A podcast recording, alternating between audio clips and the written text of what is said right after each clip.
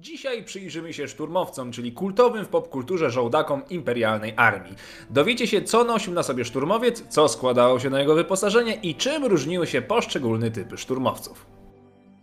W oryginalnej trylogii szturmowcy rzekomo budzili lęk oraz grozę jako elitarne i niezwykle niebezpieczne jednostki imperium. Jednak jak się wszyscy przekonali, ich celność, a tym bardziej skuteczność pozostawiała wiele do życzenia. Innymi słowy, filmowi szturmowcy to pierdołowate pachołki dające się nabrać na najprostsze sztuczki, ginący od jednego postrzału z blastera i nie potrafiący trafić w bandę rebeliantów z odległości kilku metrów w zatłoczonym korytarzu.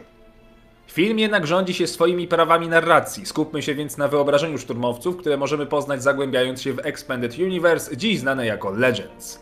Zacznijmy od tego, że wiele osób niekiedy błędnie nazywa szturmowców klonami. Armia dawnej republiki owszem została wcielona do nowej armii imperium i służyła pod rozkazami imperatora, ale proces produkcji nowych żołdaków na Kamino został wstrzymany, przynajmniej jeżeli chodzi o jednostki masowe. Klony miały mocno skrócony czas żywotności, dlatego mimo służby w jednostkach nowej władzy szybko powymierali, a ich miejsce zastąpili kadeci z poboru, no nie zawsze dobrowolnego. Warto dodać, że większość kadetów przechodziła przez proces prania mózgu, co skutkowało pełną lojalnością, ale i wyjątkową słabością umysłu w przypadku konfrontacji z użytkownikami mocy.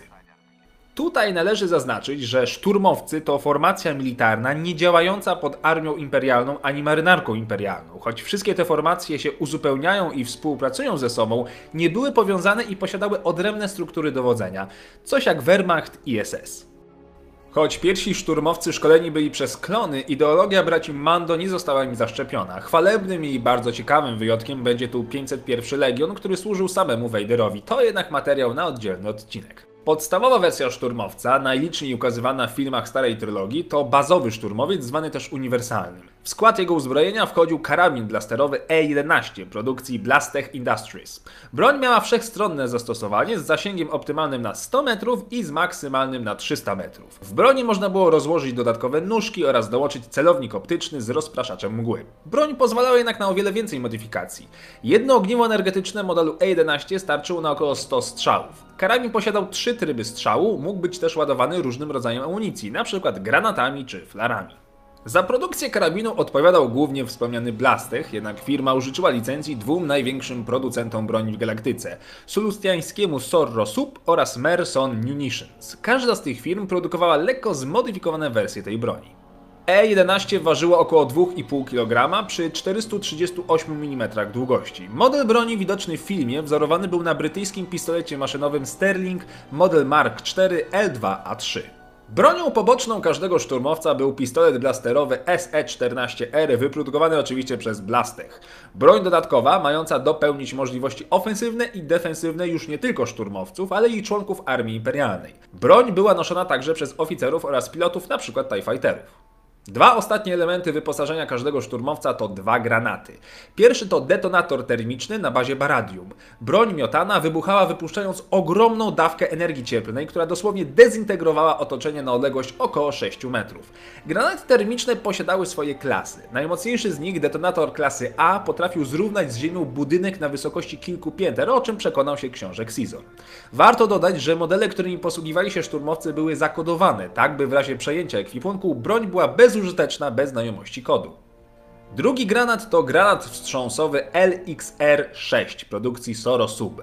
Fala uderzeniowa obezwładniała wrogów na odległość około 4 metrów, powodując krótkotrwałe oszołomienie. Ich przydatność leżała jednak gdzie indziej. LXR-y były mocno namagnesowane, przez to z łatwością przyczepiały się do pancerzy np. wozów bojowych i z łatwością niszczyły ich opancerzenie. Tyle o uzbrojeniu, a co z najważniejszym atrybutem anonimowych sługusów Imperium, czyli białych zbrojach. Zbroja zakładana była na obcisły czarny uniform. Składała się z 18 części wykonanych z plasteoidu.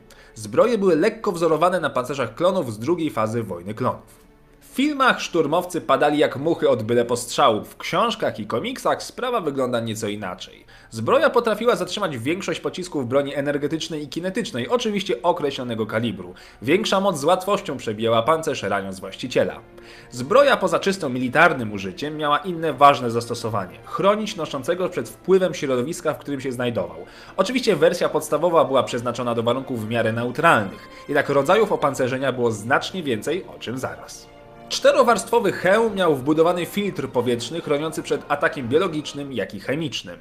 Mały zapas tlenu pozwalał nawet na bardzo ograniczone przeżycie w kompletnej próżni. Wizjer zaopatrzony był w dodatkowe skanery, autonamierzanie i masę innych dodatków bazujących na technologii stosowanej w hełmach klonów. W każdy hełm wbudowany był komunikator Comtech serii czwartej, który poza kontaktem z innymi żołnierzami pozwalał na aktywację głosową wbudowanego systemu HUD. Wysyłanie żołnierzy na odległe planety, ekosystemy czy warunki bojowe wymagało dostosowania jednostek do środowiska. Tak powstały jednostki specjalne dedykowane konkretnej sytuacji. W filmie możecie poznać kilka z nich, m.in. Scout Trooper, Snow Trooper czy Sand Trooper. Jednostek jest jednak o wiele, wiele więcej, bo ponad 50. Praktycznie każde środowisko czy ekosystem miał swój odpowiednik. I tak na planetę pełną kwasu czy śmiercionośnych warunków biologicznych wysyłano Iwo Trooperów. W bitwach prowadzonych w odmętach oceanów posługiwano się Sea Trooperami, a gdy trzeba było przeprowadzić abordaż statków, wysyłano imperialnych Marines wspieranych przez jednostki 0G. Istniało wiele wariacji i projektów szturmowców, nie zawsze zresztą byli to ludzie, o czym mogliście się przekonać poznając przygody Kyla Katarna z gry Dark Forces. Droidy bojowe, modyfikowane klony, cyborgi, Imperium brało na warsztat niemalże wszystko. Dodajmy do tego Imperialne Biuro Bezpieczeństwa czy specjalnych szturmowców cienia o charakterystycznych czarnych pancerzach. Jak sami widzicie, jest o czym czytać. Powszechnie wiadomo, że w służbie imperatorowi nie mogli służyć nie ludzie, z pewnymi wyjątkami oczywiście.